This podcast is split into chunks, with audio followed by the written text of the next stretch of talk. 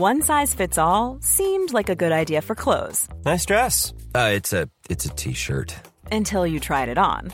Same goes for your healthcare. That's why United Healthcare offers a variety of flexible, budget friendly coverage for medical, vision, dental, and more. So, whether you're between jobs, coming off a parent's plan, or even missed open enrollment, you can find the plan that fits you best. Find out more about United Healthcare coverage at uh1.com. That's uh1.com. Hiring for your small business? If you're not looking for professionals on LinkedIn, you're looking in the wrong place. That's like looking for your car keys in a fish tank.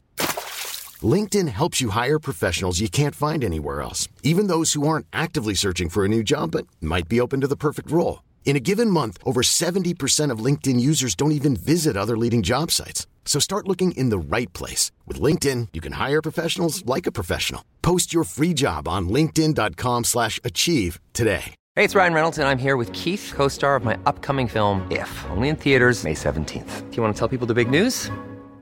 All right, I'll do. Sign up now and you'll get unlimited for $15 a month in six months of Paramount Plus Essential Plan on us. Mintmobile.com slash switch. Upfront payment of $45 equivalent to $15 per month. Unlimited over 40 gigabytes per month. Face lower speeds. Videos at 480p. Active Mint customers by 531.24 get six months of Paramount Plus Essential Plan. Auto renews after six months. Offer ends May 31st, 2024. Separate Paramount Plus registration required. Terms and conditions apply if rated PG. Hej och varmt välkommen till Karriärpodden och avsnitt 307 där jag den här gången möter Elisabeth Beskow, VD för DNB Sverige med lång och bred erfarenhet från banksektorn. Både tidigare från SE-banken och Swedbank, bland annat inom investment banking och storföretag. Elisabeth är en stark förebild och ledare inom finanssektorn och en tydlig röst för jämställdhet. Hon är också en glad och kreativ person som öppet bjuder på sig själv och sina erfarenheter på ett så befriande sätt. Det här är ett avsnitt där vi får ett porträtt av Elisabeth, hennes erfarenheter och utveckling som ledare och vad som har varit mest betydelsefullt på vägen för henne. Men framförallt är det här ett viktigt samtal om hur vi ska jobba för jämställdhet och även i det bredare mångfaldsperspektivet. Bland annat får vi höra om varför hon tror på kvotering och hur hon har jobbat med sin ledningsgrupp i de här frågorna. Men innan vi drar igång vill jag tacka Karriärpodden och Women for Leaders samarbetspartner Volkswagen Group Sverige. Tack för att ni gör det möjligt för oss att sända Karriärpodden och att jag får fortsätta lyfta fram förebilder. Här kommer nu avsnitt 307 med min gäst Elisabeth Beskow. Jag heter Eva Ekedal.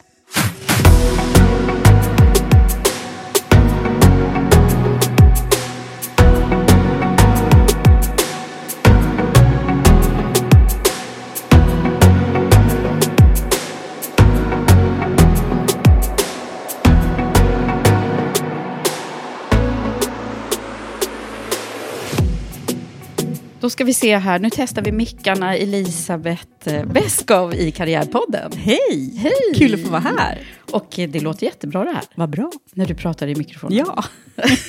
Vilken tur. ja. Ja. Brukar du, ja du snackar ju mycket i mikrofon. Ja, men jag pratar mycket i mikrofon. Mm. Ja. Och Man, man har fått lära sig, när man pratar på scen ska man hålla den nära hakan. Eller hur? Eller Men det lägga den på hakan. Det behöver jag inte göra nu. Nej, det vilken behöver tur. du inte. Ja. Men eh, eh, sjunger du också eller? Ja, ibland. Vi får. Ja, vi, vi hade faktiskt ett, ett eh, större kundevent på Berns här för ehm, eh, en och en halv vecka sedan. Och eh, då hade eh, teamet som anordnar här sagt till eh, han som både var moderator och bandmedlem att eh, men Elisabeth sjunger. Och då så sa jag att det där var ju ett liksom, påstående, jag kanske sjunger en snapsvisa någon gång, men jag sjunger inte professionellt, jag har aldrig sjungit med ett band, jag sjunger jag har aldrig sjungit i en kör. Men det slutade ändå med att jag stod på scen på Berns och sjöng eh, Take Me Back av Jackson 5 tillsammans med bandet. Nej, är det sant? Ja. Och det, och det gick bättre än vad jag trodde. Och, det, och vi hade övat liksom typ tre gånger ihop. Alltså innan. Alltså, Så det var verkligen, du visste att du skulle göra det? Ja, Det, alltså, annars hade jag ju inte klivit upp. Men ingen hela, hela, liksom. hela helgen var ju helt förstörd eh, innan. Eh, men det som hände, jag tänker på det här, vi pratar karriär och ledarskap. Eh, det var faktiskt att det var flera som var framme och sa, Elisabeth, det här visar verkligen på hur modig och transparent du är som ledare. Och det var ju kanske inte riktigt grejen, det var ju mer för att det skulle vara lite roligt. Ja, ja. Men det var väldigt många som eh, uppskattade det. Och uppenbarligen så höll jag i alla fall en hyfsad ton, för det var någon också frågade om jag sjöng professionellt. så att jag får ta det med mig. Ja, härligt. Ja, och nu ska vi få höra din röst här i en hel timme i podden. Ja. Du, eh, alltså det, ja, vi har ju pratat, småpratat lite innan här, druckit en kopp kaffe. Och jag känner att det är, det är nästan så att man bara hade velat sätta på mikrofonerna lite innan. För du har sagt massor med bra saker redan. Och eh, jag tror att det är så att det finns många gemensamma nämnare med, med vad jag tror och eh, tänker, både kring ledarskap och jämställdhet och så. Men du är ju också en väldigt stark röst i, i finansbranschen. Eh, och där vi ju har en bit kvar vad gäller både jämställdhet och, och hur, hur vi kanske kan ha och ordna våra organisationer på ett, på ett bra och effektivt sätt. Så att det här, man bara kände, var ska vi börja? Men eh, jag, jag tror att eh, vi ändå ska börja i vem du är. Absolut. Ehm, Elisabeth Beskow eh, har fyllt 56, går in på mitt 57 år. Är idag vd för eh, DNBs eh, svenska filial. DNB är ju en, en stor norsk, eh, och det är egentligen den största finansiella koncernen i, eh, i Norge. Och har ju en väldigt stark prägel av, av norskt eh, näringsliv. Och är i princip på den norska marknaden marknadsledande i alla segment. Så man har egentligen inte så mycket mer möjligheter att växa i Norge utifrån konkurrenslagstiftning och liknande. Så att Sverige är en tillväxtmarknad. Och det har det ju verkligen varit sedan du eh, Ja, tillträdde. och det var ju lite kanske också deras syfte när de rekryterade, att de ville ha en mer, ehm, en vd som eh, också syntes och tog lite mer plats och kunde liksom eh, bygga varumärke. Och vi har under de här åren, då, jag började tillträdde faktiskt 1 januari 2019, så har vi växt eh, verksamheten med 200 personer. Vi har förbättrat resultatet och eh, det operativa resultatet före skatt med över 70 procent och, och omsättningen med över 60 procent. Så det har varit en, eh, en fantastisk Wow. resa. Och ganska mycket grejer som har hänt i omvärlden under de där åren. Ja, en pandemi, Parallellt. en pandemi eh, ett helt stängt eh, Norge. Och det, det brukar jag faktiskt säga ibland, att hade det... Ibland kan man ju tacka en pandemi, därför att det som hände under pandemin var ju att Norge var ju stängt. Det var stängt i ett och ett halvt år. Verkligen. De Man fick, ju inte resa och ut och vi fick inte åka dit. Ehm, och eh, det blev ju också så att, att i och med att det var så stängt i Norge så så ehm, fick ju jag liksom lite mer en större frihet eh, att, att göra det jag ville Det göra. kanske var bra. Ja, det är det som jag tänker, Ja. att också i hindsight. Samtidigt som att jag också Det var frihet under ansvar det var frihet sätt. under ansvar, absolut. Eh, men, men förstås, så, eh, i och med att Sverige inte var stängt riktigt på samma sätt, så, så öppnade det ändå upp eh, lite andra möjligheter. Eh, och de hade inte så många andra att välja på än att ta med den svenska vdn på, till kunder och till olika saker som hände. Så att, Mm. eh, det, var, det var tur oturen, eh, kan Men man säga. spännande resa kan man verkligen ja, säga. Väldigt spännande resa. Men du, du verkar ju ha haft en ganska spännande resa totalt sett. Men var, var det så här... Var det förutbestämt att du skulle hamna i finansbranschen? Hade man kunnat räkna ut det? Ja, jag, jag, det tror jag kanske att man kunde ha gjort till viss del. Um, jag har ju min mamma som har varit i bank i, um, i alla år. Hon jobbade på, på, faktiskt på SEB då, där jag började. Och jag såg igen att hur, hur spännande hon tyckte eh, att, att jobbet var. Ehm, och jag kunde ju också konstatera att ehm, jag, jag, jag hade ett stort hästintresse när jag växte upp. Så att jag kunde också konstatera att skulle man ha bra hästar skulle det kosta pengar.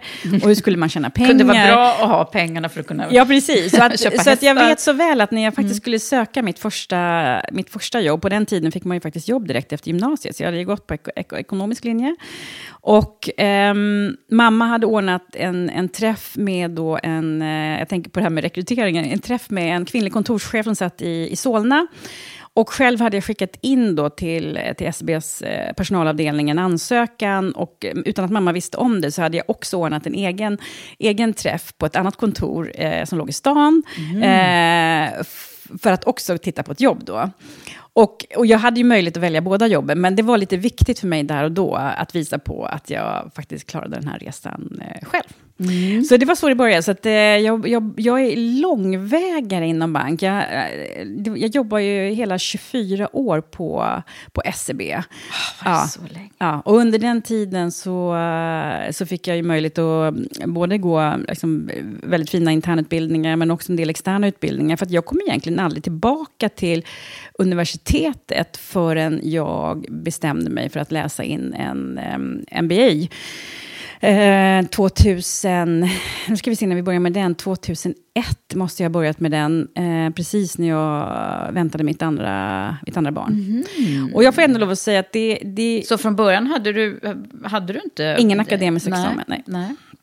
Eh, men det var liksom en fantastisk eh, resa Vad var det som göra. fick dig, och, och, för det är ju ganska så här, det är ändå det krävs ju en, en, en, insats av att när man har kommit igång i arbetslivet och sätta sig på skolbänken igen. Absolut, och det, och det krävs också ett, ett, alltså att, att, kunna komma in utan att ha formella meriter. Det var också en, en spännande resa. Men mm. de kan ta in en, en, liten, en liten del om man eh, ser till att man har liksom akademiska referenser och referenser från sin arbetsgivare som är tillräckligt bra. Och sen tror jag också kanske att det bidrog till att SCB valde att betala hela, hela, hela min mm, utbildning mm, mm. Också på den tiden. Um, så att, och skälet till att jag kände att, det, att jag var så pass motiverad, det var nog att jag uh, faktiskt blev, när jag, när jag liksom började göra karriären de åren, jag var ju lite, lite precis 30, hade fått mitt första barn, så eh, märkte jag ju ändå att mitt lite ovanliga CV Um, I bankvärlden var I det bankvärlden var det lite mm. ovanligt, med tanke på att jag inte hade en akademisk examen. För att SCB hade nästan liksom, totalt ställt om sin organisation under en period där man bara rekryterade akademiker. Mm. Um, så att jag, jag kunde ju konstatera att, att fick jag inte de jobben som jag ville ha och sökte, så var jag tvungen att göra någonting åt det. Mm. Och då bestämde jag mig. Och det så, så inledde jag faktiskt med att gå en kurs till, eh, så att jag blev eh, legitimerad redovisningskonsult. Och den läste jag på kvällstid. Och det var ju lite, lite bara för att liksom få upp nivån utifrån liksom att eh, liksom kunna läsa och analysera siffror. Och sen utifrån det eh, så insåg jag liksom att eh, även fast jag liksom har en bra kompetens eh, när det gäller att eh, förstå analys och, och, och, företag, så behöver jag en akademisk eh, examen. Och det räcker inte med en executive MBA, utan jag var tvungen att ha en full akademik. Mm. Eh, vilket jag då tyckte att då går jag, löper jag hela linan Så ut. det gjorde du, medan du och då hade du ett barn? Då fick jag, precis, jag var gravid då och fick, och, och fick då under första året mitt, mitt andra barn. Mm. så att när jag, Hur när var jag, livet då, Elisabeth? Ja, då var det ganska... Det var mycket. Mm. Eh, och jag, jag, kommer så väl ihåg att när jag kom in på eh, utbildningen så... Jag, är väldigt, jag gillar ju djur, så att jag hade ju hundar, så jag har haft en liten, liten kennel vid sidan av. Och jag vet att den här dagen när det var upprop så fick jag också eh, en kull hundvalpar. Mm. Så att jag vet att jag, jag satt bredvid hundkorgen, min tikvalpa, och jag ammade min lilla dotter. Så, ring, så ringer jag rektorn på skolan, så säger jag det att, hej du, eh, det hände massa saker idag, så att jag, det, jag kan inte komma, men du kan sätta mig i vilken studiegrupp som helst. jag har lite mycket här. Jag har lite mycket här, jag vill inte riktigt tala om allt som, som hände. Men, men det, och jag jag tror ju också att jag, när jag hade läst min MBA, så att jag var extremt fascinerad av den akademiska världen. Eh, och jag tror att det, jag blir nog väldigt liksom, liksom inne i detaljer när jag väl liksom fokuserar på det. Så att jag var otroligt sugen, för att då kunde, hade de öppnat upp på, på Warwick att man kunde faktiskt ta en PhD då på distans. Mm. Eh, men eh, min dåvarande man då sa det liksom att eh, nej, nu räcker det. Eh, han tyckte du var att, inne på det? Alltså. Ja, ja, absolut. För att jag tyckte det var så fascinerande. Mm. Liksom med, jag hade liksom känt att jag utvecklade en helt ny sida hos mig själv. Och, eh, och jag tror att det utbildningen gav mig, eh, i och med att jag jobbade samtidigt, eh, och, så gav den mig ett sätt att, liksom, jag, jag kände mig aldrig riktigt främmande i någon situation. Jag kunde liksom alltid, liksom, okej. Okay. Och det är ju lite grann det som en, en management, eh, liksom en, en master mm. eller i management egentligen ger det. Ger det ju inte superdetaljer, men det ger dig hela tiden en möjlighet att kunna bedöma liksom, saker och ting utifrån väldigt många olika perspektiv. Som, som jag med mig. Men det verkar vara otroligt mycket engagemang och energi i dig. Ja, det, det, jag, jag Är det sånt som du brukar få Ja, höra? ja. Nej, men jag, jag, jag tror att mitt... Eh, jag har ett enormt driv. Ehm, och jag... Eh, och mycket energi. Var Eh, kommer det här ifrån då? Nu Alltså, måste vi jag- forska lite ja, bakåt alltså, här innan vi går ja, framåt. nej, men jag, jag skulle nog tro att mitt driv kommer nog ifrån att, alltså, att jag ändå har sett Alltså, mina egna föräldrar som, som kom från två extremt ordinära mm, eh, arbetar, eh, arbetarbakgrunder.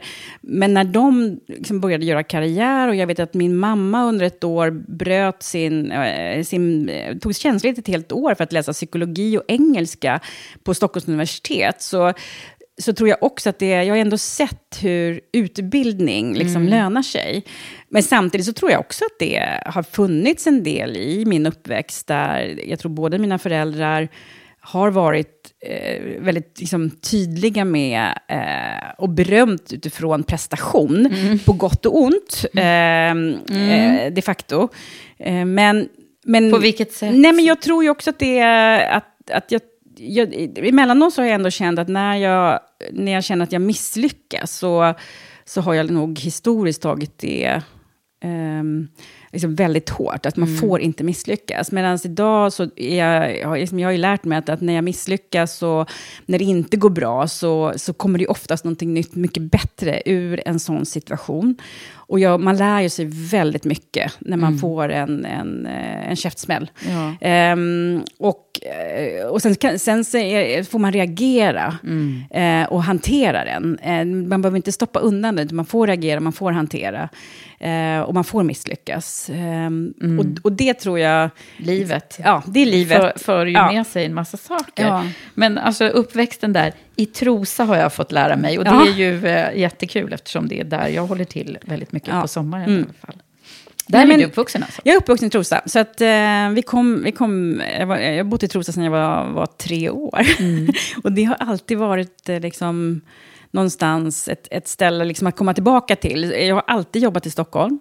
Eh, aldrig, no- liksom, ja, Södertälje kan man väl, eh, och, och, och någon förort, men, men alltid uppe i eh, nära Stockholm. Mm. Och Och Trosa kallas ju för de som inte vet det, för världens ände. ja, precis. och, det, och, jag, och, och, och sen hade jag ju mina, mina föräldrar kvar i, ehm, i Trosa och jag hade även min, eh, min, min exmans föräldrar fanns där nere. Så att jag har ju alltid haft en enorm support med, med barn och familj, ehm, som också har varit en enorm trygghet. Ehm, för på, alltså, pendla tåg, i- idag är det ju nästan omöjligt, men, men det gick ju pendla tåg, men ibland så stod de ju. Och framförallt när de ringde och barnen var sjuka och de behövde Ja. hämtas och liknande, så har jag ju haft, eh, mina föräldrar har varit in, alltså, fantastiska. Och både min mamma och pappa hade möjligheten på den tiden, när man ville växla lite grann i arbetslivet, att gå när de var 57, båda två. Vilket de nappade på eh, på den tiden. Så att eh, mina barn har haft en liksom, fantastisk uppväxt eh, tillsammans med, med mormor, morfar och farmor och farfar, sin pappa. Och, och, och den enda som egentligen jag brukar säga att kanske emellanåt har, har lidit av det, men inte varit med på allting därför att jag har jobbat, det är ju jag själv. Mm. Men det är också, har också varit alltid väldigt, väldigt viktigt för mig att liksom när jag är hemma, när jag har, liksom, eh, är med mina barn, så är jag med mina barn. Det, då gäller det liksom att ta bort det andra. Och så får man eh, jobba Man eh, när de sover. Ja, så det är otroligt ändå. viktigt att vara närvarande. Mm. Men du, om vi nu skulle försöka förstå var all den här drivkraften och Ja, energin ja. verkligen kommer ifrån då. Då säger du att det, det delvis såklart, det händer ju så mycket när vi växer upp. Är du ensam eller har du syskon? Nej, jag har, jag har en, en, en storebror. Och, eh, men jag, alltså jag tror väldigt mycket, min pappa var också min fotbollstränare. Ehm, och han, han ställde ju ändå ganska stora krav. Han ställde ju alltid större krav på mig än de andra i laget. Och det kunde ju vara, alltså jag vet så väl, jag var nere och spelade någon turnering nere i Göteborg. Och ehm, vi fick spela på en grusplan för det regnade så mycket och jag glidtacklade, jag spelade back och glidtacklade en annan spelare, skrapade upp mig helt och hållet och så vinkade jag och haltar och så vinkade jag till pappa att jag vill kliva av plan då. Och han bara liksom, bara, no way, du spelar vidare. Så det, det var ju liksom den, den ganska tufft då, eh, utifrån liksom att han såg att vi var på vinna och uh, han visste liksom att jag var duktig liksom och, och skydda bakåt. Och, eh, så han ville ju verkligen ha mig kvar mig på plan. Uh-huh. Så, så att jag, det jag skulle tro idag är att jag... Liksom, jag har nog lärt mig att man, eh, det, det, är ingen idé att gnälla. Eh, så var det inte hemma hos mig. Ehm, jag pratade faktiskt med min mamma häromdagen, för jag sa det att jag sa att jag, jag kommer så sällan ihåg att jag var sjuk. Jo, men ibland så kunde ni ju försöka, men då skickade jag iväg er till skolan. Ändå? Eh, ja, precis. Mm. Det var, så det, det, jag är nog uppväxt med att liksom, man man tycker inte synd om sig själv, eh, mm. utan eh, man biter ihop. Eh, det, det, tror jag att jag är präglad av. till Och, och, samtidigt då att man, beröm fick man när man liksom gjorde någonting verkligen bra. Mm. Eh, och sen kan man ju då tycka att, att liksom, fick man ingen kärlek då? Jo, absolut. Det, den fanns, det fanns ju där också. Mm. Eh, så att jag tror både min, eh, min, min pappa är tyvärr död sen eh, två år tillbaka, men eh, men eh, mamma finns ju kvar och, och, vi, har ett, vi har en fantastisk relation i, eh, idag. Ja, Men vad kan du dra för liksom om du... Eh vi lägger ut din tidslinje här nu. Ja. För det, är ju, mm. det vet ja. jag att du också brukar göra med ja. dina grupper. Ja. Det hörde jag i en annan podd nämligen. Precis, eh, och det jobbar vi jättemycket med också. Just det där med att eh, det behöver inte betyda att man ska grotta i det som har varit. Men ibland så hittar man ju mm. nycklar mm. Mm. som är viktiga för att förstå både vad man, liksom, vad man behöver och vad, vem man är idag. Vad, vad, vad, hittar du för någonting när du tittar där i den, den tidiga, eh, eller skoltiden och så? Nej, men jag jag, jag, jag, tror ju att jag alltid, och alltså det tror jag är en del av min personlighet, att jag är väldigt, eh, jag är väldigt engagerad som, eh, som, som person. Och jag tror ju ändå att det finns ju en, alltså jag har ju en enorm eh, tävlingsinstinkt. Och det är lite intressant, därför att liksom jag har ändå alltid, liksom, har jag hållit på med, med idrotter, så har jag alltid hållit på med lagidrotter.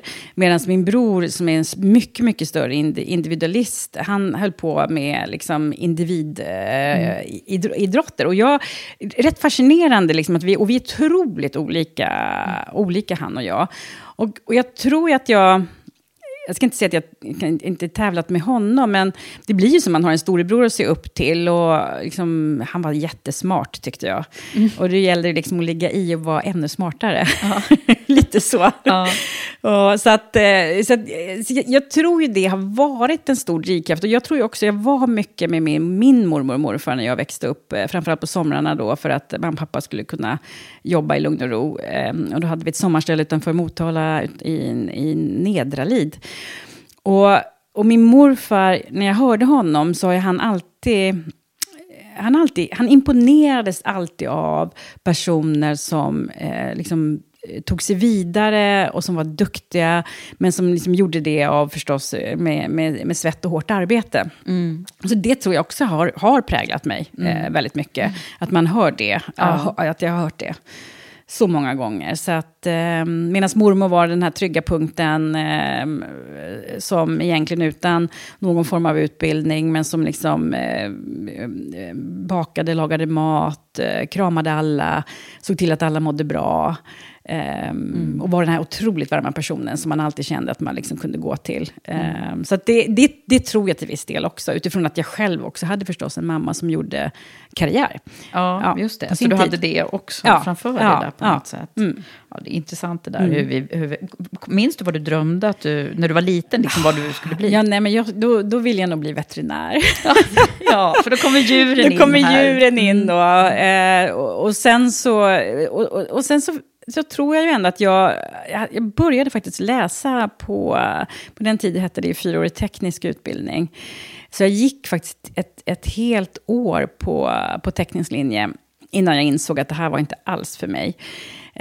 Um, utan då bytte jag, och då hade jag, bytte jag faktiskt linje till ekonomiskt. Och då hade jag faktiskt en fantastiskt god eh, studievägledare som sa, vet du vad, för jag ångrar mig redan efter halva terminen, så vet du vad, gå klar det här året. För jag tror också att han såg att jag, det var mycket som hände för mig. Och jag var inte, alltså kanske just där och då, den mest studiemotiverade. Ganska mycket trots, eh, mm. trotsig tonåring då faktiskt. Hade du ja, den. Lite rebellisk period.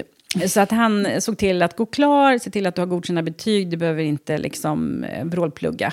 Men det gav mig ju också, när jag sen då hade landat och började om på treårig ekonomisk, så liksom, alltså alla matte, liksom, ämnen och ämnena var ju relativt enkla. Ja, ja. Då.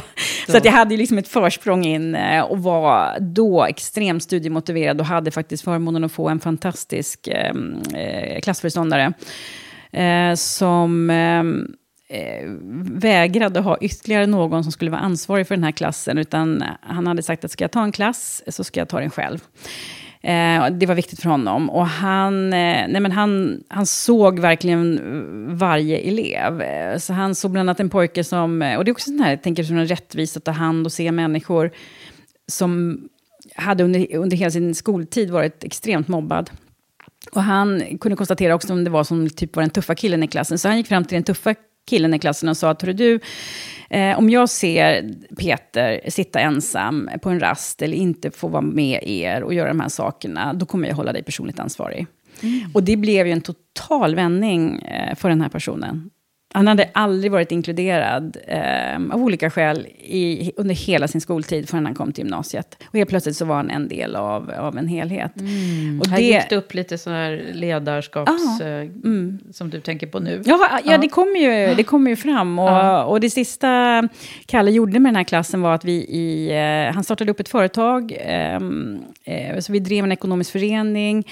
Ganska bra. Alltså, vi hade väl alltså, över 150 000, tror jag, när vi liksom närmade oss trean. Vilket vi då köpte en resa på två veckor till eh, Aten. Och så åkte vi ut till en ö utanför eh, Aten.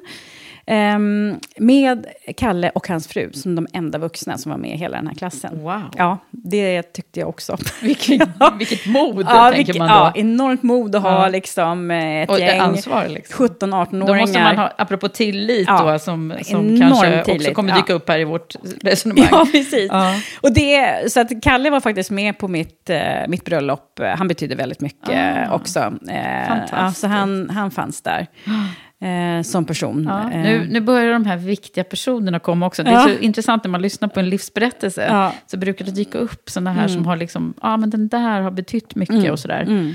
Eh, Sponsorer brukar vi kalla dem för. De som absolut. liksom här, hjälper en lite, öppnar någon dörr eller puffar lite på en.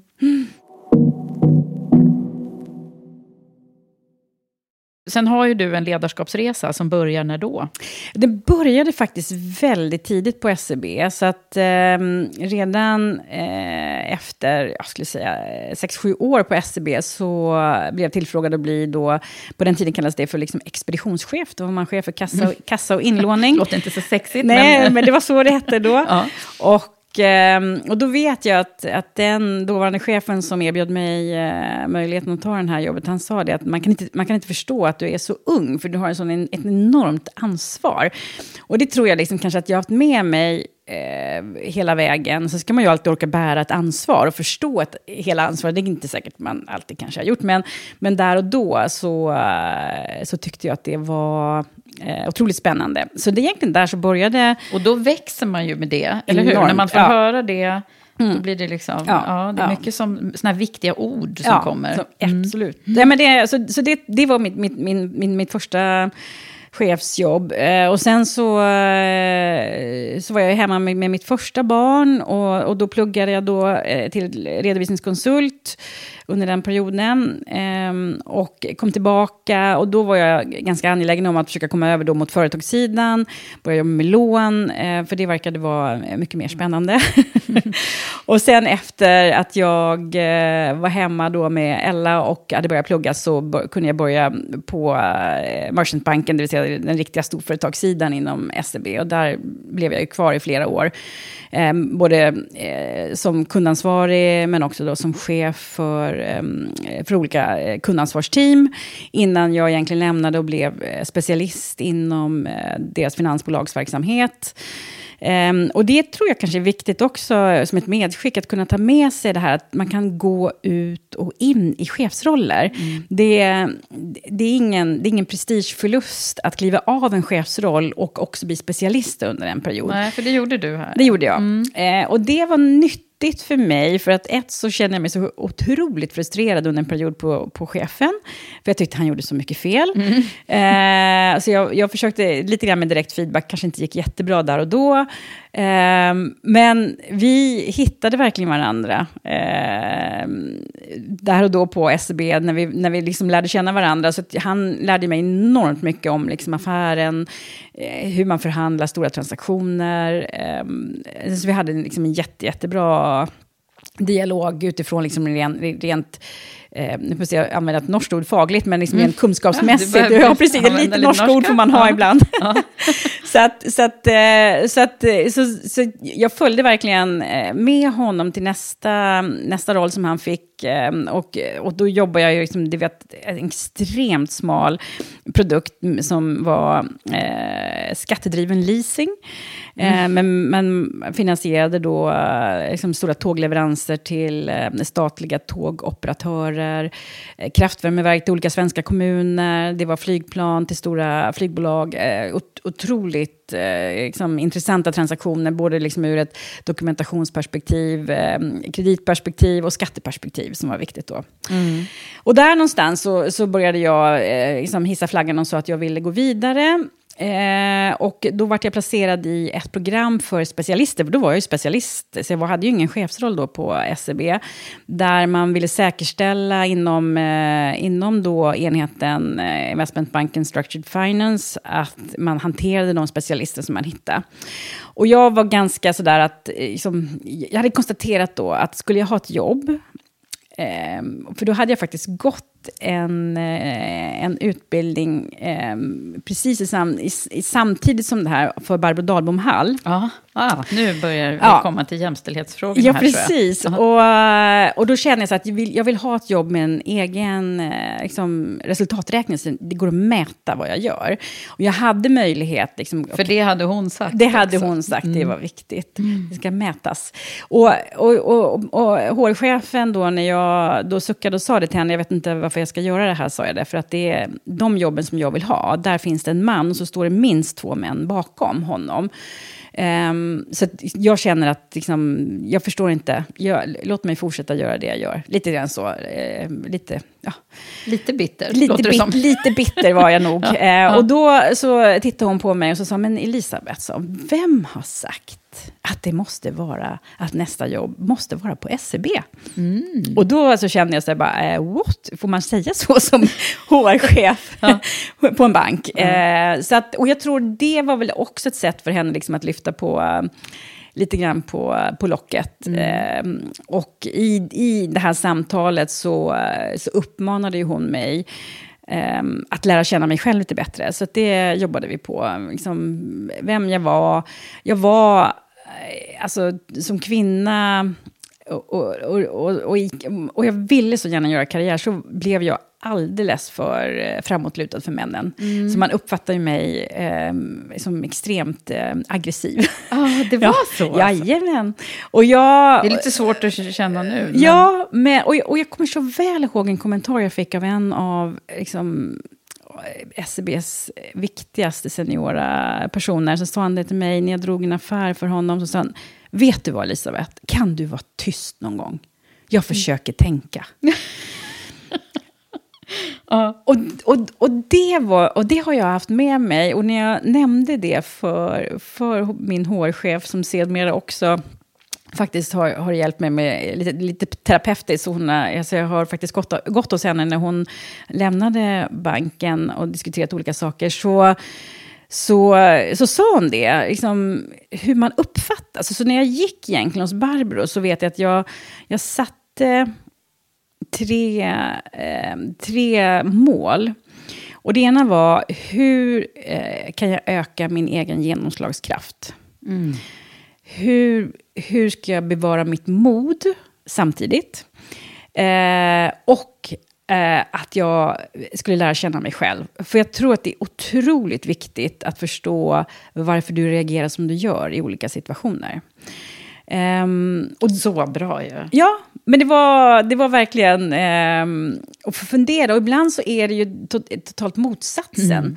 Så jag vet ibland när jag coachar unga kvinnor och de tycker att eh, de inte kommer någonstans, så säger jag, har du provat att vara tyst och sitta på händerna någon gång? Det är jättespännande, för det som händer i ett rum, och det har man ju konstaterat när det finns kvinnor och män i en ledningsgrupp, eller om det är få kvinnor framför allt, så uppfattar ibland männen att man som kvinna pratar mer än vad man gör.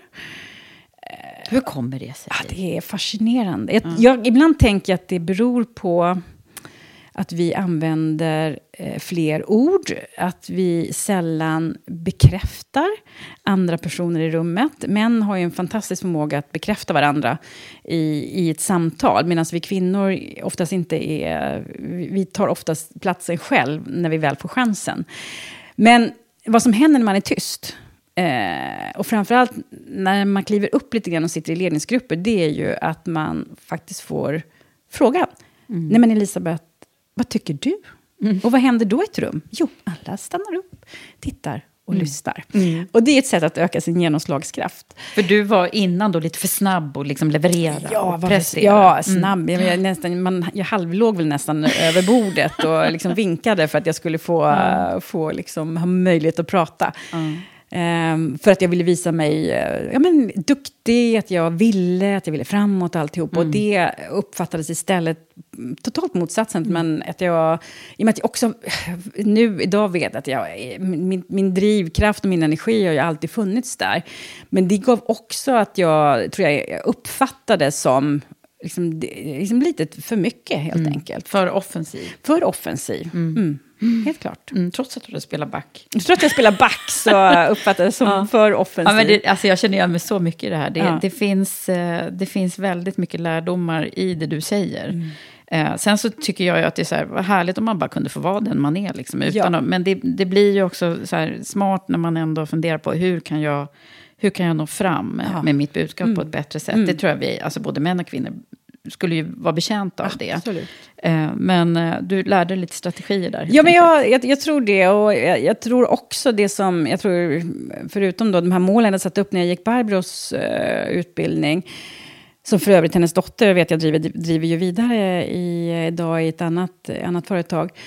Något liknande, jag ska inte säga att det är exakt samma. Men eh, så, så var jag också, i och med att jag jag, jag tänker på det här hur vi, hur vi bekräftar varandra. Och jag var nog en person som sökte väldigt mycket bekräftelse.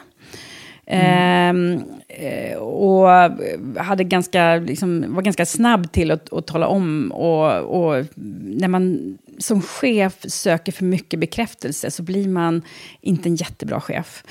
Ehm, eh, faktiskt. Utan, utan snarare så, så vet jag att Barbro sa det, att vara, att vara chef, det är att liksom kliva ut på ensamhetens ö. Och att vara kvinna och chef så är du än mer ensammen.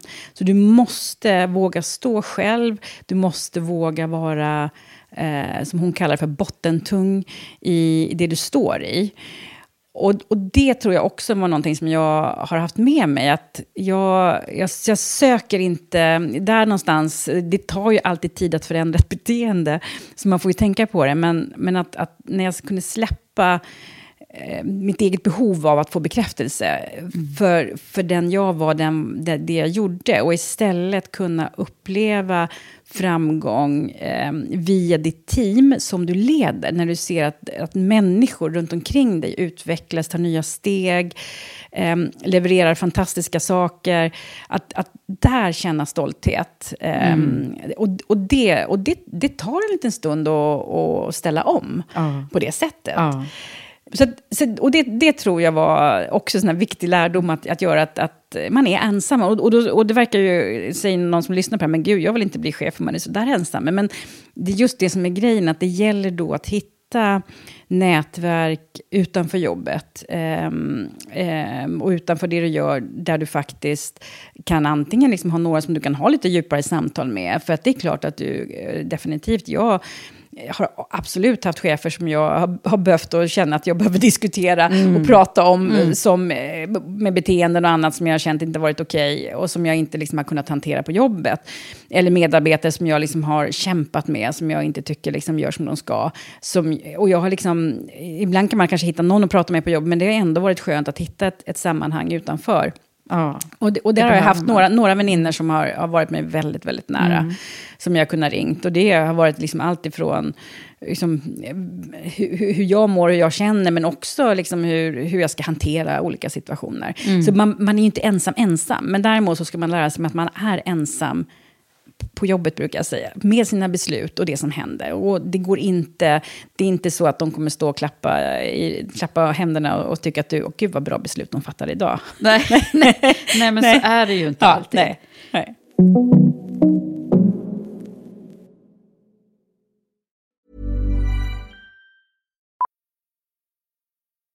Millions of people have lost weight with personalized plans from Noom. Like Evan, who can't stand salads and still lost 50 pounds. Salads generally for most people are the easy button, right? For me, that wasn't an option. I never really was a salad guy. That's just not who I am. But Noom worked for me. Get your personalized plan today at Noom.com. Real Noom user compensated to provide their story. In four weeks, the typical Noom user can expect to lose one to two pounds per week. Individual results may vary. I'm Sandra, and I'm just the professional your small business was looking for. But you didn't hire me because you didn't use LinkedIn jobs. LinkedIn has professionals you can't find anywhere else, including those who aren't actively looking for a new job but might be open to the perfect role, like me. In a given month, over 70% of LinkedIn users don't visit other leading job sites. So if you're not looking on LinkedIn, you'll miss out on great candidates like Sandra. Start hiring professionals like a professional. Post your free job on linkedin.com slash achieve today. Hey, it's Ryan Reynolds, and I'm here with Keith, co-star of my upcoming film, If, only in theaters May 17th. Do you want to tell people the big news? All right, I'll do it. Sign up now and you'll get unlimited for $15 a month in six months of Paramount Plus Essential Plan on us. Mintmobile.com slash switch. Upfront payment of $45 equivalent to $15 per month. Unlimited over 40 gigabytes per month. Face lower speeds. Videos at 480p. Active Mint customers by 531.24 get six months of Paramount Plus Essential Plan. Auto renews after six months. Offer ends May 31st, 2024. Separate Paramount Plus registration required. Terms and conditions apply if rated PG. Wow. Nice. Yeah. What you're hearing are the sounds of people everywhere putting on Bombas socks, underwear, and t-shirts made from absurdly soft materials that feel like plush clouds. Yeah, that plush. And the best part? For every item you purchase, Bombas donates another to someone facing homelessness. Bombas, big comfort for everyone. Go to bombas.com slash ACAST and use code ACAST for 20% off your first purchase. That's bombas.com slash ACAST, code ACAST. Many of us have those stubborn pounds that seem impossible to lose, no matter how good we eat or how hard we work out. My solution is PlushCare. PlushCare is a leading telehealth provider with doctors who are there for you day and night to partner with you in your weight loss journey. They can prescribe FDA-approved weight loss medications like Wagovi and Zepbound for those who qualify. Plus, they accept most insurance plans. To get started, visit plushcare.com slash weight loss. That's plushcare.com slash weight loss. Hur gick det sen då? Kom du, eh, vad hände? Var du kvar på SCB e och sen lämnade det? Nej, men jag, jag, Efter så många år? Ja, precis. Det var, bara det var ju att med gråten i halsen så sa jag upp mig. Eh, för det var verkligen känslosamt eh, att säga upp mig. SCB det är ju en extremt professionell organisation, den betydde väldigt mycket. Och, och, den chefen då som jag lämnade, han vart ju eh, mer eller mindre rasande. För att han, han tyckte att jag var lite grann påläggskalven. Och jag, mm. Man gick oftast i team på SCB, det är också lite intressant. Oftast gick man i team, chefen först och en kvinna en halv meter bakom brukar jag säga. fascinerande. Ja. Men eh, ehm, vi har väldigt bra kontakt idag ska jag säga. Men eh, i alla fall så vart jag överrekryterad till, eller möjlighet att få komma över till Swedbank och egentligen påbörja en resa som jag aldrig hade kunnat gjort på, på SEB. Så att jag fick ett erbjudande och komma till eh, Markets på Swedbank, bygga upp eh, deras Capital Market Desk, eh, framförallt då riktat mot, mot företag. Och det var en, en härlig rekryteringssituation, därför att när vi hade första samtalet så frågade jag faktiskt personen i fråga, att är du riktigt säker på att du pratar med rätt person? Eh, ja, sa han. Eh, ja, men jag kan inte det här. Nej, nej, sa. Men vet du vad? Jag eh, har bestämt mig för att jag vill ha en helt jämställd ledningsgrupp. Eh, och jag vet att jag kan inte hitta en, en, en kvinna med exakt kompetens och väldigt bra ledaregenskaper. Men det jag har förstått, Elisabeth, är att eh, du fyller i alla fall två av de här.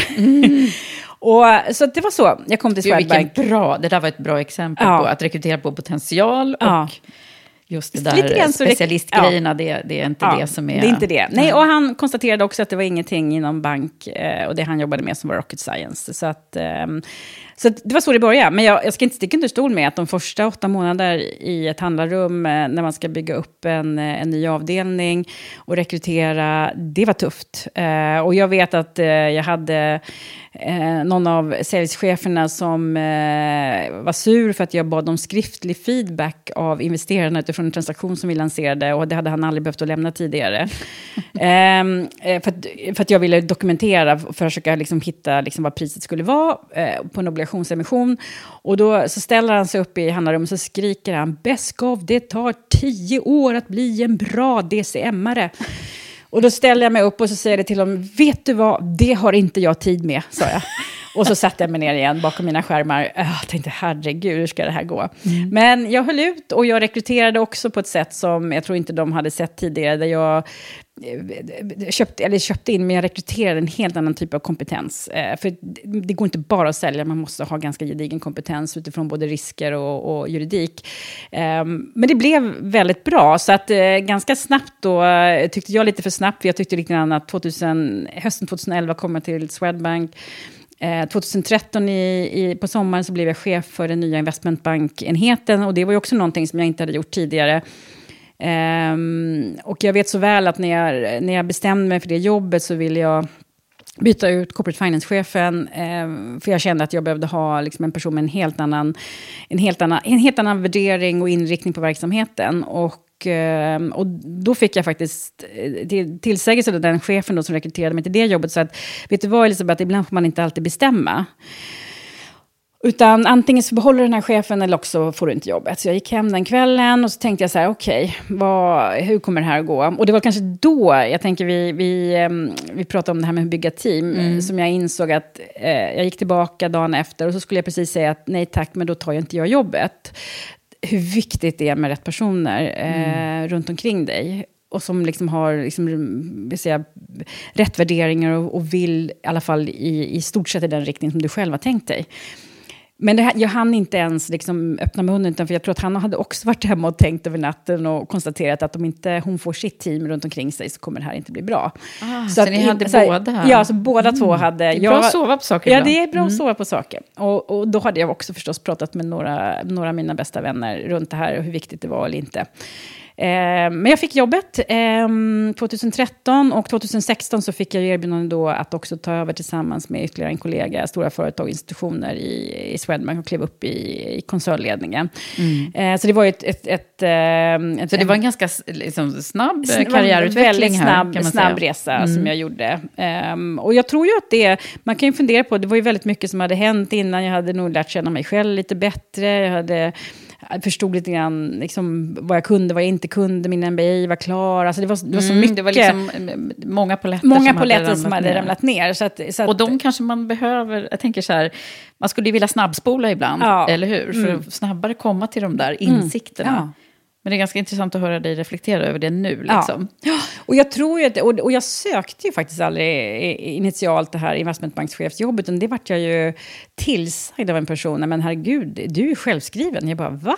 Du vet, och ibland när man, så jag tror också att det är viktigt att man liksom också talar om för personer eh, i organisationer, framför allt kvinnor, liksom att det finns möjlighet. Jag, bara, jag tycker du ska söka det här jobbet.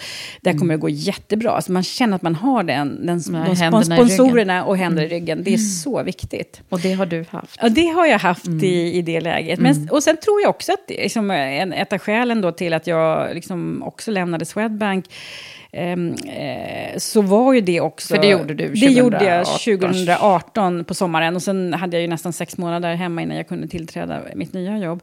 Men det var ju också att det var, vart en, en ganska... Eh, liksom, fokus låg ju utifrån liksom, eh, den, den svenska retailverksamheten men också den baltiska verksamheten. Så stora företag och institutioner var ju inte prioriterat på, på samma sätt. Så det kändes någonstans... Under de här åren? Nej, alltså det är inte sen... Och det var också väldigt stökigt? Ja, det var ju stökigt. Det var ju mycket som hände. Nu briserade väl inte alla, uh, jag tänkte säga, all, allt förrän faktiskt jag lämnade. Men men det, det, var ganska pressat i organisationen och det var ont om eh, möjligheter till utveckling, framförallt IT-utveckling och saker och ting som behövde förbättras. Det fanns ju också då, liksom, utifrån Swedbank, som dess historia och bank, också liksom hur man ville betala sina medarbetare, vilket när man bygger en professionell verksamhet, när man konkurrerar med med alla de andra storbankerna och även liksom, eh, fristående investmentbanker. Så liksom, det, det, det, är inte så att de tycker att Swedbank är bättre på alla sätt, utan du behöver betala. Och där fanns inte heller möjligheten, så det, det, blev en för stor kamp till slut för att bedriva en, en, en professionell corporate och investmentbank i Swedbanks regi på det sättet som jag, jag tror att både jag och eh, min kollega tyckte vi skulle göra det på. Mm. Eh, så, så, så, att själva flytten då, mm. eller när ja. du slutade, ja. hur ska vi... Hur, hur pratar du om den? Nej, men jag, jag, jag, när jag pratar om själva flytten så skulle jag säga att jag hade nog redan bestämt mig att jag skulle lämna. Mm. För jag kände att det... Jag kunde, jag kunde till slut inte... Jag, jag tror att jag hade utvecklat ett ganska transparent ledarskap. Och och eh, samtidigt så, har, har, så, kunde jag liksom inte... jag kunde inte vara transparent i alla de eh, diskussioner som jag visste pågick eh, i, eh, i koncernledningen i banken. Och till slut så kände jag mig eh, för oärlig. Mm. utifrån liksom, det mina medarbetare ville att vi skulle driva mot. Därför jag visste att det skulle inte finnas eh, de resurserna som vi behövde. Um, vi skulle inte få den supporten och det fanns ju också liksom, begränsningar i hur hur Swedbank som bank ville ta risk eh, utifrån de affärerna som, eh, som vi faktiskt skulle kunna göra. Så mm. det, var, det var så många saker egentligen utifrån liksom, det rena affärsperspektivet som jag kände liksom började liksom, sten, la sten på sten. Och sen så, det var någonting som inte kändes rätt? Det kändes inte rätt. Eh, och, och, och, det handlar ju också om... Det där kan man hålla på med ett tag, ja. eh, men till slut så är det någonting som ändå ja. får ja. Liksom, nej, bägaren att rinna över. Nej, men det, och det, och, och det, det var den ena delen. Och sen så tror tror jag också att det är, att man måste ju ändå känna att man, man får ett förtroende på det sättet man vill leda och driva en verksamhet. Och det, till slut så kändes det inte som att, att vi hade det. Ehm, och, och, och då bestämde jag mig för att liksom, egentligen så var det ju eh, att lite grann liksom inse att, att det här kommer inte gå längre. Eh, mm. Ganska omtumlande beslut. För, för, beslutet fattade jag faktiskt innan DNB eh, hörde av sig. Eh, att här, det här går inte. Mm. och Ehm, och då försöka kartlägga. Och det var också uh, ute med mina väninnor en kväll så sa jag det att vet du, jag kommer ringa SEB imorgon för att det här funkar inte. Så jag, jag, jag, jag får gå tillbaka helt enkelt. Ja. De känner ju mig och vet vad jag går för. Och då var det en av mina väninnor som sa nej, nej, nej, jag känner vd på Nordea. Jag kontaktar honom, inte ska du gå dit. Mm.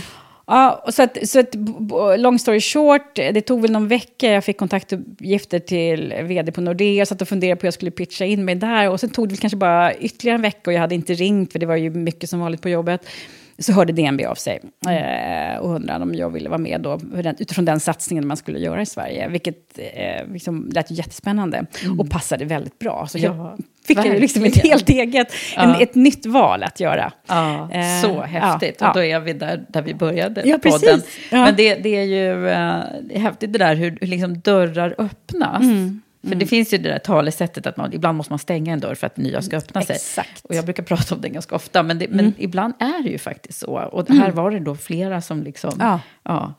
Eh, och ibland måste man lita lite på den där processen, ja. även om det ibland kan det ju vara ja, otroligt svårt jobbigt. och eh, ja. jobbigt. Men, mm. Men okej, okay. och den här resan då som du eh, påbörjade 2019 Mm. på DNB, den, Mm. den har ju då som sagt var, varit en, en framgångsresa.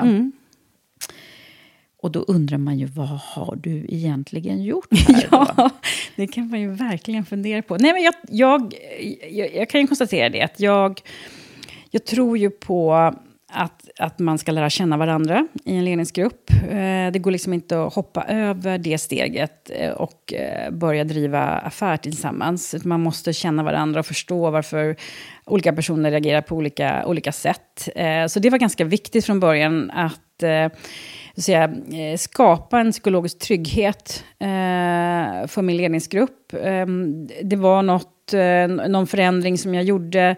Gjorde du det direkt när du kom in? Nej, det gjorde jag inte. Utan eh, jag, jag, jag, upp, jag, jag, hade någon expert från Norge faktiskt där och då i ledningsgruppen också. Så att, en ganska stor ledningsgrupp. Men det hände en hel del naturliga saker under liksom, första året då. Ehm, sen var också huvudkontoret extremt intresserad av ehm, vad jag skulle kunna tillföra. De visste ju var jag kom ifrån. Eh, så att jag hade, tror jag, under, under först, mitt första år så hade jag både styrelsen, hela DNBs styrelse och koncernledning på besök. Och de ville då att jag skulle liksom göra en take då på en nordisk strategi då för, för storföretagsverksamheten, vilket var ju precis det jag hade gjort innan på, på Swedbank. Så att det var, det var en, en enorm fokus under det här året. Och det tror jag också då utkristalliserade sig förstås för vissa medarbetare vart jag ville någonstans. Eh, men det jag, upp, det, det jag ändå upplevde var att när vi verkligen fick eh, framgång, det var ju någonstans där jag fick teamet att, att sluta, jag ska inte säga gnälla, men det är ju lätt att eh, säga vad huvudkontoret eh, gör och inte gör. Eh, vad vi får och inte får. Eh, men frågan är ju vad vi kan göra själva. Så att jag tror att det var viktigt. Eh, men det var också viktigt att utifrån sätta de målen vart vi ville någonstans tillsammans. Men i den processen också eh, analysera alla. Var, vilka, vilka individer är vi? Eh, varför reagerar vi som vi gör? Eh, hur kompletterar vi varandra? Hur bygger vi ett starkt team?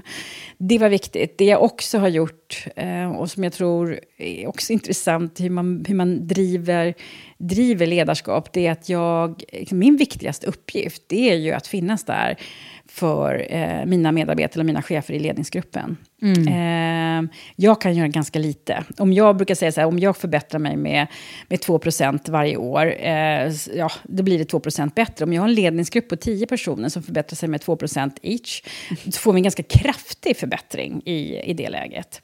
Så att jag, det jag gör är att jag, jag har veckovis avstämning med mina chefer. Mm. Ehm, och, och, och där driver vi um, liksom, frågor. Ofta så ber jag att jag vill ha, om det är några viktiga punkter, om jag behöver förbereda mig, så ber jag att få, få det kvällen innan. Eh, så att jag liksom bara hinner, hinner, hinner fundera och reflektera. Men väldigt många av de här mötena är ju absolut utan agenda. ehm, och, och jag försöker alltid då följa upp saker och ting som vi har, vi har kommit överens om ska ske. Och, och egentligen göra det på ett ganska stöttande sätt. Därför att, eh, liksom, för att ofta så vet ju den här personen mycket väl varför det inte har hänt. Det, det Mm. är ingenting som jag behöver sitta och tala om. Utan vi kan ju, är det så att vi behöver framdrift här och det inte har skett, så varför har det inte skett? Och då, så, då kommer man ganska enkelt in på, okej, vad har du för strategi? Vad, hur tänker du? Liksom? Kan du tänka på det här sättet istället? Man coachar dem liksom igenom de här övningarna. Vilket jag ändå ser får ett, ett väldigt bra resultat. Och som någon brukar säga, att du, du släpper aldrig en sak. Eh, och det gör jag nog inte. För har jag väl bestämt mig så har jag lärt mig att saker och ting tar tid. Och det är också en, en, en, en, har också varit en resa för mig att inte pusha för hårt. Nej. Utan om inte processen landar, landar hos din, din chef eller medarbetare i förståelsen vad som behöver göras, då kommer det ändå inte att hända. Då upplever man ju bara mig som för pushig och, och uh, Mm, oförstående. Det är lätt att man, liksom, att man känns som för kontrollerande om man liksom vill för mycket. Om man vill där, för mycket, ja. Mm. Men någonstans så, så jag brukar oftast, liksom, det blir en jättebra dialog. Och ehm, jag är nog, någon brukar säga att jag är envis, ja kanske, men jag kanske är uthållig brukar jag säga idag. Eh, och Så om man skulle fråga ditt team idag då? Ja, ja. För du pratar mycket om det här med teamet Ja, och så, mm, mm. laget. Vad vad- vad är det de... Nej, men jag, jag, jag tror det, det jag tror de skulle säga är ju att de, de ser ju att jag har satt liksom, DNB på kartan i, i, i Sverige. Sen är vi ju fortfarande en utmanarbank och har mycket kvar att göra. Men jag, men jag tror ju också att jag har skapat utrymme för dem att verkligen driva sin affär och också förstå hur vi sitter ihop tillsammans. Så samarbetet är väldigt viktigt. Ehm, och hur vi, hur vi tillsammans blir så otroligt mycket klokare än var och en för sig eh, när vi liksom, eh, gör affärer. Och det, så jag tror samarbetet eh, tror jag liksom är viktigt, att jag liksom lite grann håller fanan väldigt högt eh, och driver väldigt mycket liksom, utifrån ett, ett kommunikationsperspektiv. Jag tror ju också att vi, vi har haft en utbildningsresa, eh, inte bara för ledningsgruppen utan för hela filialen kring, kring jämställdhet. Hur vi... ehm, Ja, nu kommer vi in på Ja. den här kärnfrågan. Precis, och den, och den har jag ju kanske eh, liksom, haft med mig mycket utifrån att jag, jag, vi pratade om min pappa tidigare, men jag, jag tror också att pappa var alltid väldigt rättvis. Och jag, är, jag tycker det ska vara rättvist, oavsett eh, kön, etnicitet, sexuell läggning, whatever, så ska det vara rättvist. Alla ska ha samma möjlighet och samma chans. Så att ehm, eh, själva delen kring, kring jämställdhet, den, eh, den ut, började vi utbilda ledningsgruppen i. Vi gjorde faktiskt en, en, en liksom lite sån här liksom ögonöppnare där vi skickade ut en anonymiserad enkät till organisationen och egentligen frågade kring hur man upplevde jämställdhet. Och, och det var ju inte alls toppenbra när jag kom. Eh, så ganska eh, på en gång så insåg vi att vi, vi måste bygga kom, kompetens i ledningsgruppen, vilket vi gjorde. Eh, faktiskt tillsammans med en extern konsult som oftast tycker jag kan bli bättre Därför att eh, då skärper folk till sig. det kostar lite pengar och det är oftast ja, men bra professionellt och det funkar. Ehm, Men vi utbildade också alla chefer och vi hade också föreläsningar för all personal. Vi såg ju förstås till då att vi hade rutiner och allting på plats, eh, vilket man i och för sig hade, men kanske inte så tydligt när det gällde eventuellt att om man eh, råkade ut för ehm, eh, saker och ting där man uppfattade att man eh, var utsatt eh, på grund av eh, kön eller, eh, eller någonting annat, så var det viktigt liksom att ha- allting fanns eh, på plats med, med eh, själva strukturen runt Så du här. satte det här på kartan då ganska Ja, tidigt jag gjorde- med jämställdhet? ja. att det var en viktig, Det var en viktig- fråga? ja. Mer än vad man hade då Ja, men jag, jag, ja, jag tror, man hade ju börjat sk- eh, liksom, skrapa på den. Och jag har en fantastiskt duktig HR-chef som driver de här frågorna och utmanar på ett väldigt bra, bra sätt eh, också. Men jag tror att det, där och då var det väldigt viktigt, plus att vi då satte mål eh, i, i ledningsgruppen, att vi, vi tillsammans då skulle liksom driva för att vi skulle få en 60-40-fördelning på våra chefspositioner. När jag började så hade vi 18 procent kvinnor. Idag är vi uppe på 35 procent kvinnor, så vi har ju fortsatt inte nått målet. Eh, Men däremot då så mäter vi, vi mäter ju hela organisationen, vi mäter hur vi tar in, hur de vi anställer och de som slutar, för att liksom ha koll på att det inte är liksom en, en överdel män som kommer in och en överdel kvinnor som slutar. Men vi har också konstaterat att vi behöver också ligga väldigt nära de som finns i de säljnära positionerna, för det är därifrån som vi rekryterar. Eh, Så där behöver det också vara väldigt jämställt. Och jag tror ju att, att det kan finnas då, du var ute och debatterade lite grann på, Ja. på sociala medier här kring, eh, kring hur vi rekryterar och, och få eh, kvinnliga vd vi har på höga nivåer, vad det, vad det beror på. Och då är oftast män kastar ju oftast in då meritokratin som ett vinnande kort, eh, att man alltid ska rekrytera den, den bästa. Eh, och och det, där kan jag också tycka ibland att, att vi måste våga i finansbranschen som fortsatt är väldigt mansdominerad då kanske ge uppdrag externt eh, för att leta efter kvinnorna. Därför att männen finns. Eh, och jag tycker att vi ska ha en slutkandidat, en man och en kvinna. Men männen finns internt. Eh, I, så det här är liksom en nyckel du säger nu här. Nu måste Det- vi stanna upp ja, lite här. absolut. För det här är ju liksom, hur ska vi driva jämställdhetsarbetet inom, inom finanssektorn? Mm. Det finns ju flera sektorer som befinner sig där. Men, Ja. men, men här har vi ju en, en liksom kärnfråga. Det är en kärnfråga. Och jag, jag tror ju också generellt att vi behöver professionalisera rekryteringsprocessen. Alltså generellt rekryteringsprocessen mycket mer. Och så säger man att det finns i de stora bankerna. Men jag, jag, tror att det måste vara mycket tydligare målbild utifrån... Liksom, eh, man kan säga att det ska alltid finnas en man och en kvinna. Men, men återigen så tillåter vi fortsatt rekrytering ur egna nätverk. Ehm, eh, och, och, och det tror inte jag någon vinner på eh, mm. överhuvudtaget. Utan mm. försöka professionalisera igen den här situationen. Och jag har ju historiskt då kunde jag bli ganska upprörd när jag drev mycket jämställdhetsfrågor ur ett könsperspektiv. Och så var det oftast män då som kastade in, ja men Elisabeth, du måste ju tänka på mångfald i ett bredare perspektiv. Ja. Och jag känner mig så sjukt irriterad då. Där brukar vi också få ja, Och då, för att eh, utifrån den delen, men eh, så träffade jag faktiskt på en, en person med extremt eh, fantastiskt CV. Och sen eh, så beskrev han sin karriär på en stor fin bank. Och så kände jag så här, gud, alltså, det hade lika gärna kunnat varit jag men som kvinna. Men han med en annan eh, etnisk bakgrund hade upplevt exakt samma sak. Och då kände jag så herregud, liksom det, här, det här räck, det räcker inte. Nej. Det räcker inte att driva, driva jämställdhetsfrågorna bara ur ett könsperspektiv framöver. Utan vi måste våga och orka, och framför allt så som Sverige ser ut just nu, driva det mm. även liksom, ur, ur, ett bredare perspektiv. Mm. Mm. Och det eh, tänker jag har jag också jobbat mycket med på, på, på DNB, där vi har liksom tagit in, när du utbildar från flera olika perspektiv, det kan ju vara ålder, det kan vara kön, det kan vara sexuell läggning, det kan vara olika former av eh, diagnoser, alltså nev neurodiagnoser. Så helt plötsligt så ger du alla nya perspektiv att se saker och ting mm. på. Vilket, vilket också, som jag märker, att det öppna, öppnar, man öppnar upp organisationen ytterligare. Och, och det är ju inte så att det, det är en one-off-grej, utan det här måste du driva regelbundet och hålla i.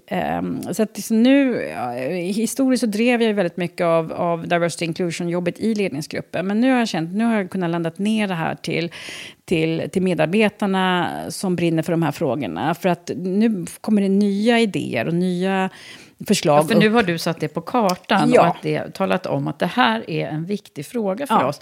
För det är det här som jag tror är en, en, en av dem. För man, det, det räcker liksom inte med att säga att det här är ett projekt som, som, som HR-avdelningen ska driva. Nej. Utan man, det måste, och det räcker inte med att säga det heller, men Nej. det måste liksom vara integrerat ja, i en det själv. måste vara integrerat. Och det är ju det man märker på dig att mm. det är. Mm. Uh, och du har ju också du är ute och liksom talar på scener om, om det här. Ja. Och då fattar man, det här är ju inte bara något hon snackar om. Nej. Hon menar det här. Jag menar det. Och, det, och jag menar inte det bara för att, för att det ska vara rättvist. Utan Nej. jag ju, kan ju konstatera att det faktiskt både driver min, eh, eller vår affär framåt på ett helt nytt sätt. Alltså vi, vi blir smartare. Vi, jag liksom, tittar liksom hur DNB har utvecklat sig på de här två parametrarna över de åren jag varit där. Så, så är det en enorm kraft i organisationen. Så för mig blir det affärskritiskt. Mm. Um, för, för det skapar ju också möjlighet till en, en trygghet i organisationen när man, när man blir en väldigt inkluderande organisation. Att också våga komma med, med nya idéer. Eh, nya förslag, eh, att man vågar lyfta saker och ting mm. på ett sätt som man kanske historiskt inte har gjort i en, en, en trög gammal bank. Men det är ju en väldigt, eh, säga, liksom, jag vet inte, långsam organisation generellt. Så ja. det, det, det sätter liksom en, en eh, inkluderande kultur, skulle jag säga, på organisationen generellt. Och det är många som säger, som kommer till oss, eh, att åh vad trevligt, det är så otroligt trevligt att komma till er. Så det, det märks i, i kulturen. Det känns, ja, det, det liksom, märks, absolut. Ja. Ja. Ja, häftigt alltså. Men du, du har ju varit ute och också pratat om att du är... Du tror på att vi skulle behöva ha, göra kvotering? Jag tror att vi skulle behöva göra kvotering. Mm. Och det, kan du utveckla det lite? Ja, absolut. Får... För jag, jag inser att, liksom att, att jag tillhör ju den, den minoriteten i, i, eh, i den här frågan. Och där väldigt många då kvinnor också anser att de vill absolut inte bli rekryterade på annat än sin kompetens. Nej, det, är, det är väldigt vanligt. Ja, och man, man man eh, vill bli in, inkvoterad, inte in, inrekryterad på grund, man vill inte bli inkvoterad eh, som kvinna. Och, och jag brukar jag har sagt det någon gång att jag skulle bli stolt om jag blev inkvoterad. Eh, därför att för mig handlar inte inkvotering om att man bortser från kompetens. Eh, utan kompetensen är ju minst lika viktig. Men om vi inte anstränger oss eh, eller har ett krav på oss så, så slutar vi ta fram, tror jag, liksom de bästa kandidaterna. För mm. de finns där ute. Alltså, tittar vi idag på hur det ser ut utifrån, alltså, tittar vi på alltså, ekonomlinjen eller, eller på högskolor och universitet, eh, juristlinjen, liksom, det är ju företrädesvis kvinnor idag som går ut med de bästa betygen. Mm. Så kompetensen finns där. Så vad vi gör idag, det är ju på något vis att vi rekryterar bara från 50 procent av underlaget. Vilket för mig inte handlar om meritokrati överhuvudtaget. Nej. Utan snarare något, något helt annat. Så vi tappar skapar ju eh, både liksom, mångfald ur ett könsperspektiv, men definitivt också mångfald ur ett liksom, etniskt kulturellt perspektiv. Mm. Där vi, jag vet inte hur många jag har haft kontakt med eh, framförallt väldigt duktiga studenter från många universitet som säger att eh, liksom, har man fel efternamn, eh, eh, fel hudfärg så är det lika bra att söka sig till London på en gång, för där får man jobb. Hos de bästa investmentbankerna, för det här är oftast toppstudenter. Mm. Men att komma till, till en svensk bank eh, är nästan helt hopplöst. Mm. Så där återigen så, så, så, så, ser vi ju till att, att, vi, att vi inte har professionaliserat rekrytering processen. Ett exempel på det med, vi rekryterar ju interns varje år från universiteten till um, framförallt investmentbanken, men också en del inom, inom vår aktie-equity-verksamhet. Och vi har ju, alltså 70-80% sökande är, är unga män. Och sen en liten andel kvinnor. Det är ungefär som det ser ut inom de här um, områdena idag. Och det vi gör då, det är att vi, uh, vi, haft, vi hade över tusen sökande sist till våra interntjänster. Och, och alla är kvalificerade. Mm. Alla är kvalificerade. Mm. Men vad vi gör då, vi, vi, av de tusen så kanske vi över ett år tar in 30. Mm. Men då ser vi ju till att i underlaget som vi väljer ifrån, då har vi 50-50. Mm. Ehm, och det, så, så, det är ju hela tiden sådana här saker som du behöver hitta struktur och processer Precis. för. För att du ska jobba få, strukturerat ja, med det. Ja.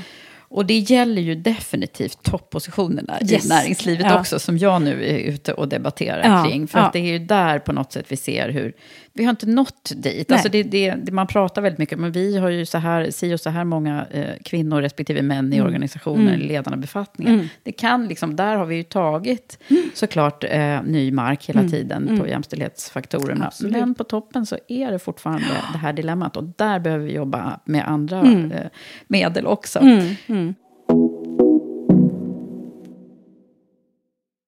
Jag tänkte att jag ska ta tillbaka dig lite till eh, till ledarskapsfrågorna. Mm. För jag mm. får ju nämligen eh, en, en fråga via min samarbetspartner varje gång mm. som de vill skicka med till min gäst. Och den, den handlar om hållbart ledarskap. Mm. Mm. Eh, och det är ju liksom ett begrepp som eh, vi pratar ganska mycket om, men egentligen betyder kanske olika saker. Mm. Så att de vill veta, vad betyder det för dig? För mig betyder ett hållbart eh, ledarskap att man eh, är, jag brukar säga att man är sann eh, med sig själv och sina egna värderingar i det sättet man leder på. Och att man också har en förståelse för att man kan inte vara en person på, på jobbet och en annan person hemma. Och händer det saker och ting på hemmaplan eh, så kan man omöjligt vara den liksom, bästa ledaren på jobbet. Utan det är, man är en människa, man är en person. Så, så det har jag liksom, eh, liksom haft som medskick till mina chefer, att det är otroligt viktigt att, att man ser hela personen, att man liksom lär känna personen som man sitter framför. Vilket gör att mina första samtal med mina chefer brukar oftast handla bara så mycket de vill berätta om privata frågor. Mm. Eh, för att jag måste förstå deras eh, liksom, sociala situation. Eh, finns det några utmaningar i deras liksom, privata sfär? Det går inte idag, liksom, tycker jag, att, att man liksom, skär bort den biten och tror att, att man liksom, kliver in mm. på ett kontor och, och, är, och är den bästa, bästa jag, eller mitt bästa jag. Utan Utan jag, det, det, här hänger ihop och jag måste förstå, finns det liksom eh, varannan vecka föräldrar? Behöver man prioritera olika? Sånt där är superviktigt. Man behöver vara ja, transparent? man behöver vara otroligt transparent och man måste våga ställa frågor som chef. Är du det också? Jag tror att jag är, är emellanåt alldeles för transparent. Ja, men är det så ja. att du upplever att det kan gå... Alltså... Nej, men jag, jag, jag har blivit... Jag säger så här att jag... His, histor, det är väl också någonting som jag har lärt mig att... Eh, jag brukar ju säga det ibland att eh, du behöver inse att du är ganska oviktig som person och chef, brukar jag säga när man är ledare. Utan det viktigaste är att du liksom fokuserar på de människorna som du har runt omkring dig. Eh, eh och, och jag hade ibland en förmåga, du vet, när någon kommer till dig med ett problem. Ja, men du, det där problemet, det har jag haft. Och så börjar jag berätta om, om mitt problem, hur jag löste det, istället för att fokusera på personen och personens problem. Så, att, så någonstans så, så har jag, liksom, jag svarar på frågor, men jag är nog inte lika tror jag, spontan och öppen idag med mig själv. Och, och det är för att jag inte känner att det behövs. Utan jag tror att alla vet att, att undrar de över någonting så svarar jag. Mm. Eh, men jag pratar nog inte lika mycket. Du behöver inte Nej. Jag säger, det, de vet vem du är ändå. Jag vet, de vet vem jag är och, och, jag, och, fokus behöver inte ligga på mig. Som chef så har man så ett enormt fokus på sig ändå. Mm. Eh, och du sitter alltid, brukar jag säga, som hög chef så har du en enorm maktposition. Mm. Så att eh, det är lite grann som Bamse, när man är, är, är, stor och stark så måste man vara snäll. Mm. Eh, och det är också en sån där sak som jag brukar tänka på, att när jag, chefer ibland reagerar, gud jag vet inte vad som hände. Ja men snälla, alltså, du sitter på en sån maktposition. Tänk på det. Mm. Alltså, det, om du slår näven i bordet, så då, då liksom dallrar ju hela kontoret. Eh, jäm, alltså, så man, man behöver, behöver inte, göra det. Med så stora Nej, man, utan snarare mm. tvärtom. Mm. Så att, för den makten du har i en, en, i en vd-roll för en stor organisation, den är enormt betydelsefull och det måste man vara rädd om. Um, och istället tycker jag liksom driva verksamheten på ett, ett sätt som är hållbart då. Mm. Uh, och se till att man verkligen ser sina medarbetare. Och det, just det här vad man lägger sin tid på. Ja, men det är inte så att jag inte får några mejl. Jag får ganska mycket mejl. Mm. Um, och, och ibland tänker jag så här, när jag har, jag brukar lägga in såna här fokustid i min kalender. Um, men så tänker jag så här, nej, jag tar ett varv på golvet istället. Och det... Och så ja, du går ett varv jag går i, på, i organisationen mm. eller går ner och tar en kaffe. Går kaffe. Och det, mm. jag, man träffar ju alltid någon mm. som berättar någonting. Och sen kan jag säga, men gud vad roligt.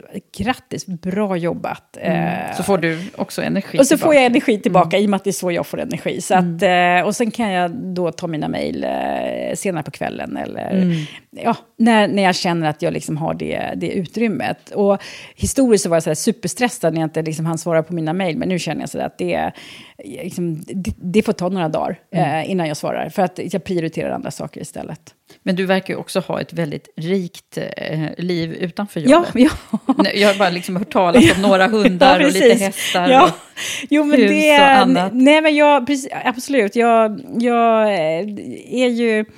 Eh, alltså, historiskt sett förstås då, har jag alltid haft ett stort djur, djur och naturintresse. Så att jag, eh, jag har två hästar tillsammans med min dotter. Eh, som vi har, har då utbildat. Vi har en tvååring och en eh, fyraåring. Mm. Som eh, har varit fantastiskt roligt och eh, förstås få göra saker och ting tillsammans med, eh, med henne, med min dotter eh, och hennes stora intresse. Sen har vi också då gemensamt intresset i hundar och djur. Ehm, Hur många hundar är det nu då? Ja, Eh, Eh, det, just nu så har jag två, eh, två hundar hemma. Sen har jag ju då, jag och min dotter, vi samkör nog hennes franska bulldog eh, också. Och så har jag, jag har en tik ute hos en kompis också. Men, men hon kommer inte komma hem igen, så att, men jag äger henne fortfarande. Så det är väl tre och en halv då, hund som jag äger. Mm. Men det är också, det är ju, det är ju jakthundar. Eh, och det som jag tycker är väldigt spännande, det är ju då jakt över, över en stående fågelhund. Eh, så det är också mm. någonting som jag sysslar med. Från, så vad är det för ras? ras? Det här är lite udda ras då för att vara, eh, man säger stående fågel, men det är en weimaraner, eller weimaraner. Mm. Men jag har verkligen uteslutande då eh, fokuserat på valt hundar som är eh, otroligt duktiga jakt jakthundar. Mm. Så att eh, jag tror att jag över åren har fört fram eh, fem stycken jaktchampions. Så det har ju varit eh, jättekul. Vad synd att inte jag hade min lilla Doris hemma Ja, här. precis. Då hade hon kunnat få lära sig lite Ja, ut ja, av dig. ja, precis. Ja. Sen, sen är det ju alltid spännande med, med hundar. Så jakten har ju varit en del av, av eh, min... Doris är ju då ingen jakthund. Nej, Doris är ingen jakthund. Hon är en ren sällskapshund. Ja, nej, så det, och jag tror att det är när man är med djur och när man är ute i naturen, kanske inte när man är ute i naturen, men när man är ute i naturen med djur ska jag säga, så är det väldigt svårt att tänka på andra saker. För att det märker, jag märker mina hundar om jag går ut och rastar dem, i och med att de hela tiden är på span efter att göra saker och ting och leta efter vilt, så måste jag måste vara närvarande. Eh, där med dem och hela tiden ha koll på att de inte ska gå in på vissa ställen, därför jag vet att det kan stå rådjur där. Så att jag måste hela tiden vara med dem. Eller stoppa dem om det går upp något vilt eller liknande. Eh, Så, att, så att det ger mig en, eh, en enorm eh, liksom, alltså, återhämtning. Och det är ju samma sak med hästar. Också, hästar tänker mycket bilder, säger de. Så att, att, att gå och tänka på, på tråkiga saker, brukar man, då brukar hästarna liksom, börja med annat bus. Liksom. Så, att, Ja, ja, så man- så det är också man väldigt, måste vara man måste vara närvarande och här och nu. Ja. Vilket eh, det ger mig väldigt, väldigt mycket. Och sen, sen blir det också så att jag, jag, jag gillar att eh, liksom, träna. Jag märker ju det, ju äldre man blir så behöver man, eh, man behöver liksom, eh, både liksom styrketräning, långa promenader, Mm. eh, lite återhämtning och yoga har varit, eh, har varit liksom, eh, viktigt för mig. Eh, och sen går det i perioder, lite grann beroende på hur mycket jag har på, på jobbet. Mm. Och just den här årstiden är det ju isigt och dant och det, jakten är slut just nu. Så, att, så nu blir det ju liksom mer liksom fokus kanske på mina egna personliga grejer mot, som jag brukar hålla på med Mm. eh, versus liksom hundarna. Men hundarna finns ju där så de ska ju ha sina promenader varje dag förstås. Ja, vad härligt. Ja. Jag ser fram emot att kanske stöta på dig i Trosa Ja, med absolut. hundarna. Ja. Men du, eh, nu ska vi summera. Och Mm. då brukar jag ju försöka... Alltså nu har vi fått höra liksom din resa och tankar om ledarskap. Mm. Och då är jag lite nyfiken på, alltså nu när du har liksom lagt ut hela din tidslinje här, om du kan sätta fingret på, vad är det för någonting som du liksom inte visste då, eh, men som du vet nu, och som du kanske också skulle ha behövt om det nu går att snabbspola lite, Mm. vad är det som man skulle behövt liksom få dig att Nej, men jag, greppa lite jag tidigare? tror ju att jag hade äh, mått bra av eh, bättre feedback. Eh, och tyvärr ska jag säga, och, och det är någonting som jag märker väldigt tydligt, så eh, är ju vi generellt ganska dåliga på att ge varandra feedback. Man brukar tala om konstruktiv feedback. Jag brukar säga att det finns, det finns ingen konstruktiv det är feedback, punkt. och den, den, den, den ska kännas, både positivt och negativt. Eh, så det är också faktiskt någonting som jag övar hela mina organisationschefer på att ge feedback. Och jag hade behövt att få mycket bättre feedback tidigare. Att Mm. kanske eh, i, i det läget att, eh, eh, liksom, var inte så pushig Elisabeth. Försök och tänk på hur Det här som du kom på lite mitt kom- i livet. Lite Ja. Mm. mer mitt i. ehm, liksom, tänk på din kommunikation. Eh, alltså, alltså man verkligen får de här råden tidigare. Jag, jag tror att det är så viktigt. Ehm, och, och sen ibland så förstår man ju inte alltid feedbacken. Och det är ju också viktigt att fråga liksom, att jag förstår inte. Nej, och få det Eh, förklarat. vad- Få, få förklara, men också faktiskt verkligen fråga, får jag ge dig feedback? Mm. Ehm, och, och, och, det får man ju nästan alltid göra. Ehm, och jag brukar säga att för mig, de stora förändringarna, där, där har jag fått feedback som liksom verkligen har liksom träffat i magen. Eh, och, och jag är nog en person som kan springa på i livet med mitt driv, mycket energi, jag är oftast väldigt positiv. Så att man behöver verkligen liksom, hallå där Elisabeth. Så att... ehm, Fortfarande, får man göra lite som med lite, hästen? Ja, så? men lite Mm. så får man nog eh, liksom stoppa upp. Eh, för att jag, sen har jag blivit eh, förstås klokare och fått mer livserfarenhet. Och, ehm, är ganska nöjd där jag är just nu också. Och det, det tror jag också tror jag avspeglar liksom hela min, min person också. Att man, man är lite, jag är lite mer liksom trygg och bottentung, som Barbro skulle säga. Och, och eh, liksom lita på mig själv och, och liksom de besluten jag tar och de människorna jag har runt omkring mig. Och, och framförallt att jag jag inser att saker och ting får ta tid. Det är en process. Eh, jag är jättesnabb eh, här mm. uppe i huvudet. Jag, men jag kan inte förvänta mig att människor runt omkring mig ska vara på samma hade sida i boken. Höra det? Det också? hade jag behövt höra mycket tidigare. ja. Definitivt. Ja. ja. Mm. Men vad härligt att få ha dig här som gäst, Elisabeth. Stort tack. Tack för att du har varit med. Ja, tack. tack.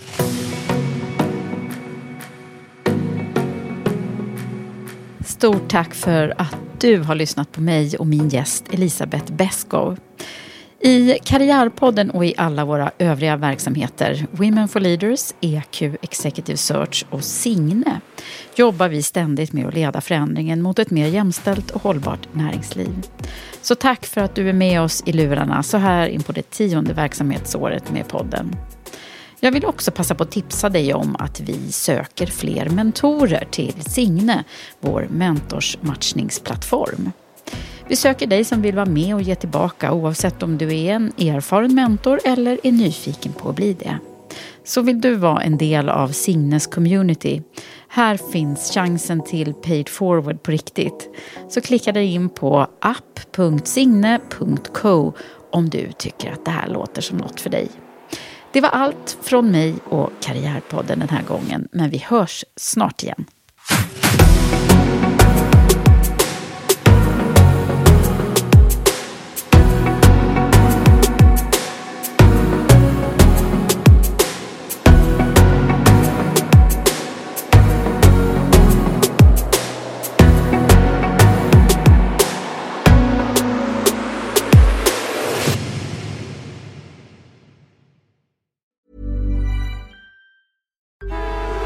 Traffic jams, tailgating, pileups. Ugh, the joys of driving. How could it get worse? The federal government wants to have a say in what you drive. That's right. The Biden administration's EPA is pushing mandates that would ban two out of every three vehicles on the road today.